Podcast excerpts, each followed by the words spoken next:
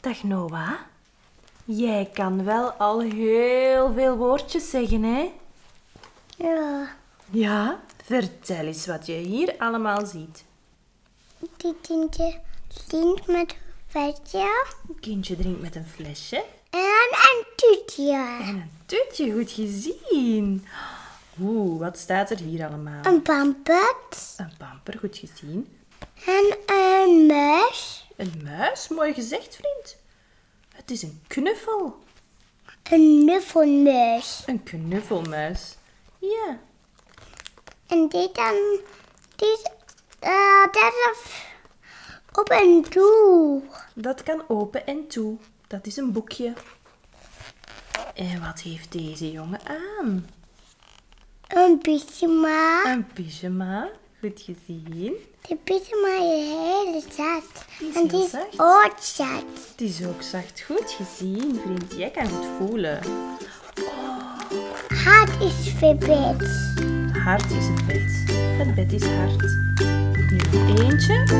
En zaapzak. Een slaapzak. Goed gezien. Hey, ik ben Janne, logopediste en mama van twee jonge kindjes, Emma en Noah. Ik ben hier om jou te vertellen dat de ontwikkeling van kinderen soms heel vanzelfsprekend lijkt, maar zeker niet zo is.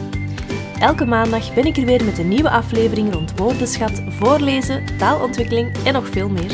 Welkom bij de podcast Vanzelfsprekend. Zelfsprekend. Hey en welkom bij een nieuwe aflevering van de podcast Vanzelfsprekend. Vandaag gaat het over uitspraak. Ik heb bij mij zitten Sabine Verhemeldonk. Sabine is een logopediste die niet zo ver van mij woont. Ehm, we hebben elkaar leren kennen via business coaching, dus via het ondernemerschap. En sindsdien eh, contact blijven houden en af en toe gaan we samen op workation, gaan we samen lunchen. Ehm, heel fijn om, om andere ondernemers te leren kennen op die manier. En dus ook heel fijn om ze een keer op de podcast te hebben. Welkom Sabine. Dag Janne. Leuk om hier te zijn. Hi. Het is, eh, vertel eens een beetje over jezelf. Eh, ja, dus ik ben eh, net als jij dus logopediste. Ehm, ondertussen al bijna 27 jaar. Ehm, ik net, heb, eh, net iets langer dan ik. ja, ja, ja, wel een beetje langer. Dus ik heb een, ja, een eigen praktijk in Kontig, eh, waar ik vooral kindjes met ehm, spraak- en taalproblemen behandel.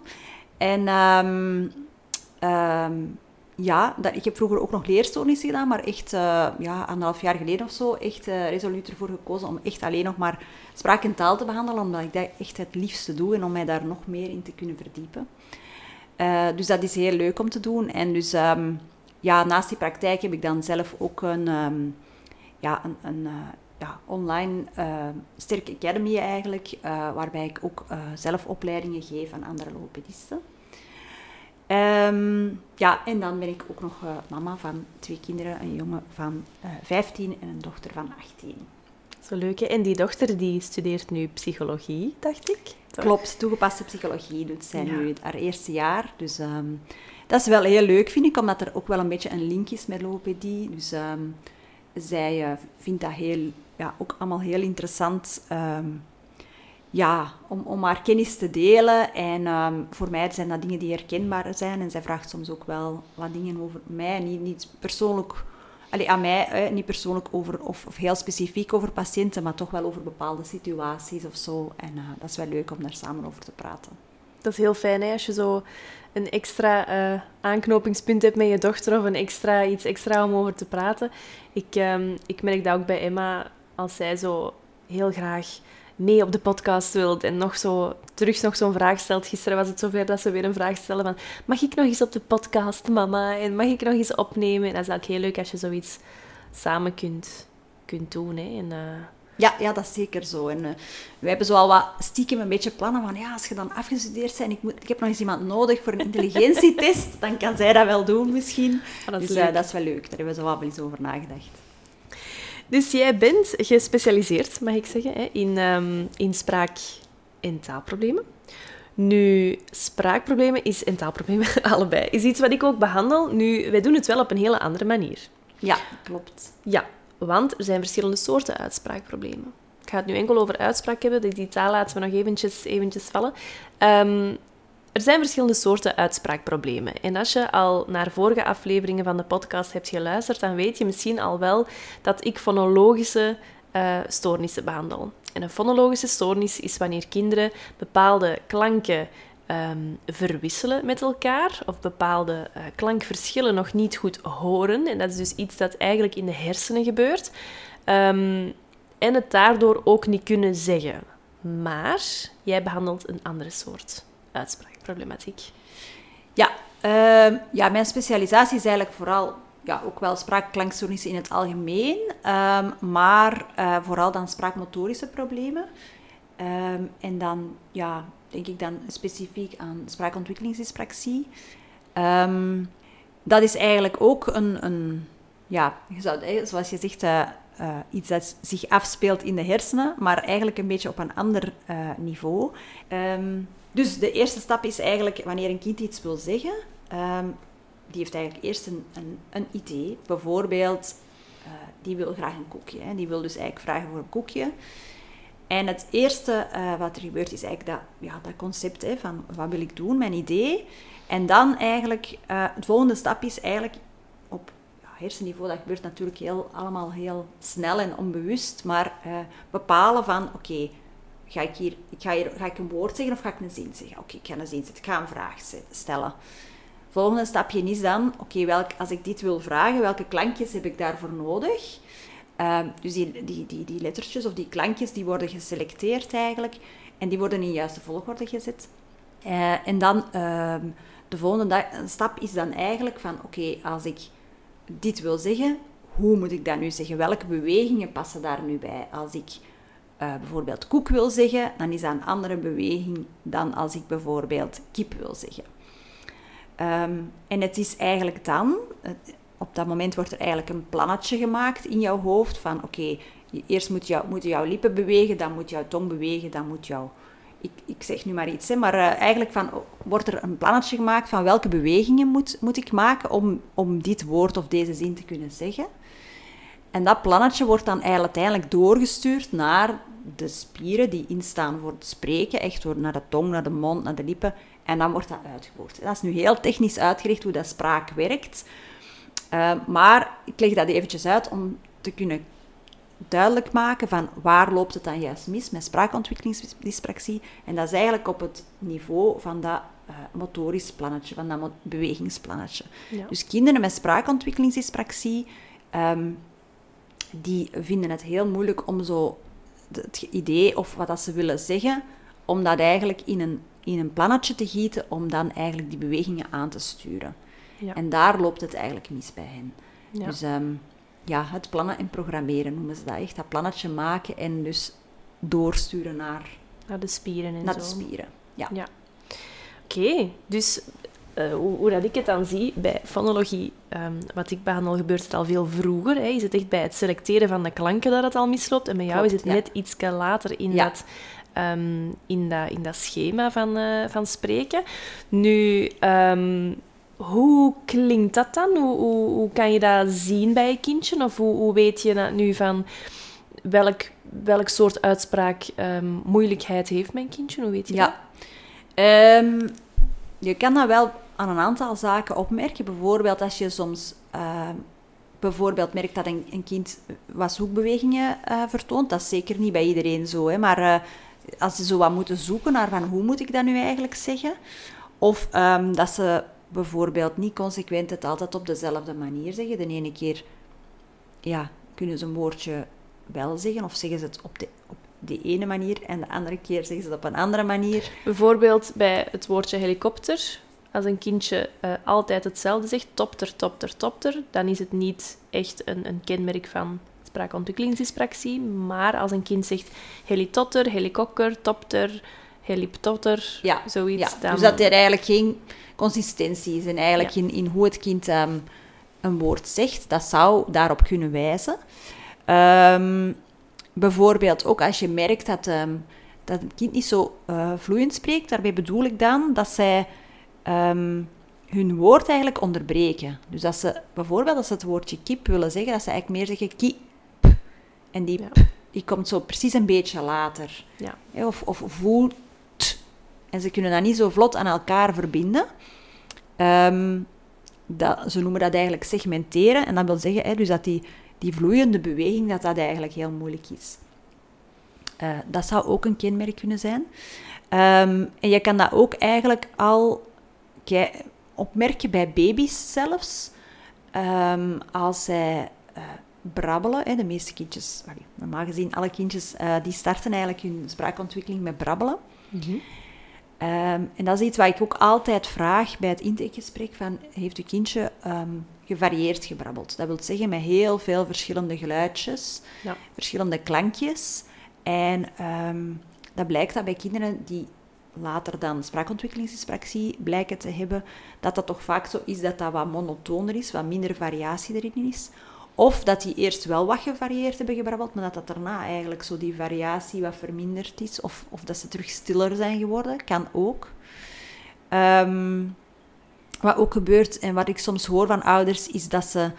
Ja, mijn kind heeft, heeft uh, wel bepaalde woorden wel kunnen zeggen, en dan ineens toch niet meer. Ze noemen dat ook wel ghost words. Dus dat zijn woorden die terug verdwijnen. Ja. En ja, dat is eigenlijk heel gek, want meestal gebeurt dat niet. Ja. Dus, maar dat zijn eigenlijk allemaal zo al wat kleine dingetjes die in die richting kunnen wijzen. Nu, de diagnose stellen, spraakontwikkelingsdyspraxie is echt niet zo evident. Daar heb je heel veel verschillende aspecten die je dan moet nakijken. Ehm, maar dit zijn gewoon al dingen die wat in die richting wijzen en waar je dan misschien toch wel daar eens verder moet naar laten kijken. Ja, en het ook gemakkelijke dingen dat je thuis kan, uh, kan opmerken. Hè? Zeker als je een keertje een keer je kindje filmt of zo. Stel dat je denkt, zegt van, oh, de uitspraak is niet top, ik ga een keer filmen. Om eens te zien en om eens zelf nog te horen nadien ook van wat doet mijn kindje. Kan ik letten op die zoekbewegingen? Kan ik een keer naar die woordjes luisteren om te zien of wat daar zo van die pauzekes tussen zitten? Is het altijd consistent of is het, is het altijd iets anders? En zo kan je wel voor jezelf ook al, al, al heel wat van die kenmerken gaan, uh, gaan, gaan opmerken, denk ik. Ja, ja, ja, ja, ja. En dat kan voor, voor jezelf als ouder zo wat een, een signaal zijn om te denken van, ik ga daar toch eens allee, mee naar de logopedist te gaan om dat eens verder te laten nakijken. Zo, want dat is, allee, je kunt niet op basis van zo'n aantal dingetjes al direct die diagnose stellen natuurlijk, maar ehm, misschien is het dan wel aangewezen om eens naar een professional te gaan om daar naar te laten kijken. Waar vind je die uh, professionals, die logopedisten voor spraakontwikkelingsdyspraxie? Um, ik zou sowieso, als je een contact opneemt met een logopediste, informeren of zij daar um, ja, wat in gespecialiseerd is of voldoende ervaring mee heeft uh, met spraakontwikkelingsdyspraxie of spraakmotorische stoornissen in het algemeen. Um, omdat het wel belangrijk is, als dat effectief het geval is, dat dat ook op de juiste manier behandeld wordt. Hè. Als je eigenlijk een spraakmotorisch probleem gaat behandelen, fonologisch gaat behandelen, dan is dat eigenlijk niet de meest efficiënte aanpak. En dan zal het ook veel langer duren voordat je echt vooruitgang merkt. Omdat het ook op een andere plek in, in, in heel het, het spraaksysteem zit. Hè? Het, Klopt, fonologie zit veel hoger in het spraaksysteem, of veel vroeger dan. Um, ja, bij fonologie gaat het ook meer over de klankregels hè, leren eigenlijk. Terwijl ehm, ja, bij spraakmotorische stoornissen is het meer de spraakmotoriek. Nu, het komt vaak ook wel wat samen voor, hè, fonologische problemen en spraakmotorische problemen. klopt, klopt. Um, ik, ik, ik raad dan altijd aan om, om um, het ook wel een beetje apart aan te pakken, meer volgens een cyclus te werken. Dat je zegt, ik ga bijvoorbeeld uh, eerst aan het spraakmotorische werken en daarna aan het fonologische. Ja. Of andersom. Of de beide afwisselen. Um, maar het is wel belangrijk, zeker als er een spraakmotorisch probleem is, om echt ook bijvoorbeeld volgens de principes van motorisch leren te gaan werken, um, omdat je dan het meeste vooruitgang zal zien. Ja. Nu, um, kunnen mensen gewoon een logopediste contacteren? Zijn er, um, moet je eerst langs de huisarts gaan? Hoe, hoe zit dat? Ik zou in eerste instantie eerst eventjes zoeken naar een logopediste die, uh, die daar effectief uh, wat ervaring in heeft. Um, nu, uh, ik zelf geef ook een cursus aan andere logopedisten over spraakontwikkelingsdyspraxie, dus ik, ik, ik leid ze daar een, voor een stukje in op. En um, ik heb wel een lijst met um, ja, een aantal van die cursisten hè, die daarvoor de toestemming hebben gegeven. een lijst dus eigenlijk ja, van die ik wel mag delen. Eh, en daar zijn eigenlijk logopedisten bij van over heel Vlaanderen en een stukje Nederland ook. Ehm, ja, waar dat je dan bij terecht kan. Waarvan dat je zeker weet dat zij daar wel wat eh, kennis en, en ervaring in hebben. Eh, dus als ze die lijst graag willen, hè, als ouders die nu luisteren die lijst graag zouden hebben, dan mogen ze mij altijd contacteren natuurlijk. Dat is goed. Via welke weg contacteren ze jou het beste? Ehm, ja, ze kunnen mij eventueel een, bericht sturen via Instagram. Mijn Instagram is @logopediepraktijksterk. Ehm of via mijn e-mailadres. Dan kunnen we misschien eh, in de show In de notes, show notes. ja. achterlaten. Hè? En eh, ja, dan stuur ik die lijst gewoon door. Eh, maar je kan na- natuurlijk altijd zelf een logopediste uit jouw eigen regio eens contacteren en maar het sowieso bevragen. En dan ehm, ja, voor een voorschrift kan je gaan bij de huisarts om voor dat logopedisch onderzoek. Ehm, maar ik raad ook wel altijd aan om toch ook eens eh, allee, eerder naar de neuskel-oorarts te gaan, omdat dan even ineens kan nagekeken worden of dat ook wel het, het gehoor oké is en of dat er dan ja, op vlak van de mond dan eigenlijk, hè, vooral of dat daar ook wel alles oké is. Hè, dat Ja. uh, eventueel het tongriempje, of dat dat toch niet te kort is, want dat kan ook een invloed hebben natuurlijk. Ehm, en dus dan, ja, dan kan die dat eigenlijk ook ineens nakijken. Dus Ja. ik vind het meer aangewezen om voor een eerste voorschrift dan toch naar een neuskel-oorarts te gaan. Oké. Zijn er dingen dat, ehm, dat je thuis al kan aanpakken? Al tips voor, voor thuis? Want ik kan me Ehm, voorstellen, als je zo naar een logopediste moet, of gaat, wilt gaan, hè, dat, dat je wel op een wachtlijst botst soms. Dus niet in elke regio zo, maar toch in veel regio's. Ehm, of dat je toch eventjes moet wachten voordat je kan opstarten. Dus ik denk dat er, dat er heel veel ouders zijn die zoiets hebben van... Dan wil ik er wel al mee aan de slag kunnen gaan thuis. Ja. Goh, wat ik daar zou aanraden is ehm, dat je bijvoorbeeld een aantal woordjes kiest die je wel eh, belangrijk vindt en waarvan jij graag zou willen dat jouw kindje dat kan zeggen, maar dan li- liefst ook eenvoudige woordjes en woordjes eh, waar klankjes in staan waarvan je weet dat het kind die al wel kan. Ehm, bijvoorbeeld, als jij koek wil aanleren, maar je hebt gemerkt dat jouw kind nog in geen enkel woordje een K zegt, dan zou ik dat niet nemen. Ja. Ehm, maar bijvoorbeeld wil jij eh, soep aanleren. Het kind zegt bijvoorbeeld wel al een S in eh, Sap. Sap, maar nog niet in soep, omdat de combinatie met de oe bijvoorbeeld moeilijk is. Ehm, dan kan je dat wel proberen, omdat je zegt ah, de, de S, de oe of de s, de oe en de p, die zijn alle drie mogelijk. Ja. Dus ik ga eens proberen of dat toch niet lukt om die meer te combineren. Dus dat is sowieso belangrijk. Je kiest een paar woordjes waarvan je weet, oké, die klankjes kan mijn kindje al wel. Ja. En je kiest er maar een paar. Je gaat niet ineens alle woordjes verbeteren, want dat is, dat is echt eh, te complex. Het is misschien ook gemakkelijk om, om te vertrekken vanuit een woordje dat je kind al kent, in, in plaats van te vertrekken vanuit een woordje dat je, dat je zou willen dat het kent. Bijvoorbeeld, stel dat je kind al mama zegt, dan zijn gemakkelijke woordjes om te gebruiken mee, moe, meer, eh, ja, zo die ja, dingen. Zo hele functionele woordjes hele eigenlijk. functionele woordjes, ja, die kindjes heel vaak kunnen gebruiken in hun dagelijkse leven. Ja, ja. En dat je dan bijvoorbeeld die woordjes, dat je die eigenlijk wel, ehm, ja, in principe, hè, volgens de principes van motorisch leren, zou je die massaal moeten oefenen. Het is, nu, dit is niet de bedoeling dat je als ouder al echt therapeut gaat spelen.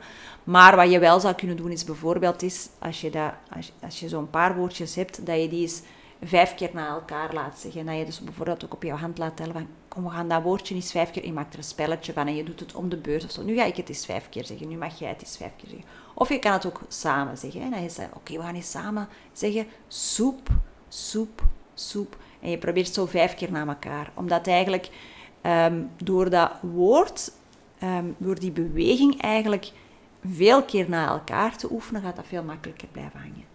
Ehm, belangrijk daarbij is dat het kindje echt jou aankijkt. Dat hij kijkt naar hoe dat jij dat zegt. Hè? Dat hij echt kijkt naar jouw mond. Ehm, je kan bijvoorbeeld zelf wel eens in de spiegel kijken, want je bent er misschien jezelf niet altijd bewust van, van hoe dat jouw mond beweegt bij bepaalde woorden. Maar bijvoorbeeld bij die soep, als je dan kijkt in de spiegel, dan zal je zien dat je eigenlijk met jouw lippen een beetje een rondje maakt, omdat de oe een geronde klinker is. En dan kan je ook wel er eens op letten, als jouw kindje ook soep probeert te zeggen, of dat hij ook wel dat rondje maakt. Ja. Of dat hij misschien meer zijn lippen gewoon stijf houdt en dat er niet Ja. veel beweging in zit. kan je jouw kind er wel op wijzen van... Ah, kijk eens, ik maak een rondje met mijn lippen. Kan jij dat ook? Ja. Want dat kan wel ehm, ja, het makkelijker maken om dat woordje goed uit te spreken. Ja, want ik vind dat heel ehm, leuk om aan ouders ook uit te leggen. En, en heel fijn als, als ouders het dan ook merken. Als je zelf in de spiegel kijkt en je zegt bijvoorbeeld soep of sap. Je S-klank wordt al helemaal anders gevormd. Hè, omdat je naar de klinker gaat vertrekken. Je gaat die S zeggen met die klinker al in jouw gedachten. Dus als je je mond klaarzet, klaarzet voor het woord soep, dan ga je je lippen al veel meer gerond hebben dan als je je mond klaarzet voor het woord sap. Ja, klopt. En is dat zijn dingen waar, dat wij, waar dat proberen, wij ons niet altijd zo bewust van zijn. Hè? Ja. Ehm, En dus dat moet bij kindjes eigenlijk ook zo gebeuren. En Ja. daarom is het ook zo dat kindjes sommige klanken wel kunnen combineren met elkaar. Stel dat je kindje wel sap zegt, maar niet soep. Ehm, die combinatie SU is misschien nog moeilijk, maar die combinatie SA lukt eigenlijk wel. Ja, klopt. Dus, eh, dus, dus ja, als je zelf ook je bewuster bent van hoe dat je die beweging uitvoert, dan kan dat misschien helpen om, om, om Ja. het bij jouw kindje ook eh, makkelijker te kunnen uitlokken eigenlijk. Ja, zeker als je dan ook zegt van kijk eens naar mijn mondje, we gaan het eens samen doen. En, Ja, ja, en dan veel herhalen inderdaad, hè, zoals Ja, ja, dat je ja. zegt. ja, heel veel herhalen.